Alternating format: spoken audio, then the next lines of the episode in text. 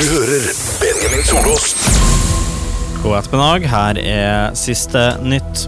Starta med brann i Rønvika. Det har altså brent i et bolighus i Rønvika torsdags ettermiddag. Eh, Salten brann sa til først ut da det var tidlig i hendelsen at de var akkurat kommet frem.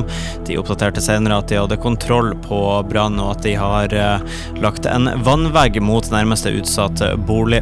Politiet i Nordland meldte også at det branner godt i huset. Det er tidlig å si noe årsak. Det var naboer som oppdaga brannen og fikk eier ut av huset. Alle er tilsynelatende i god form, det sier innsatsleder Kai Sundnes eh, i politiet til AN, som er på stedet. Vi har kontakt med alle nærmeste naboer, og det er evakuert. Vi har altså satt opp en vannvegg for å hindre spredning, sier Magne Brunes, som er innsatsleder hos Salten brann. Politiet råder folk til å holde seg unna området hvor det brenner. Det er mye røyk i området, og ingen har godt av å puste inn, skriver Nordland politidistrikt.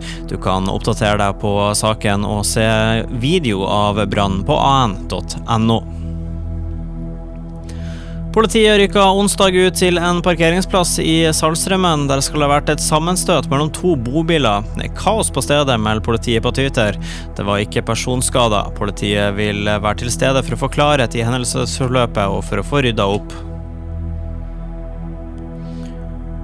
Og på Rognan var det mange som kjørte for fort i utrykningspolitiets laserkontroll torsdag. Kontrollen varte fra klokka ti til ett. Totalt fikk 14 bilførere forelegg. Høyeste hastighet Det var 98 km i timen i 80-sona. Og det var siste nytt. I studio, Benjamin Solås.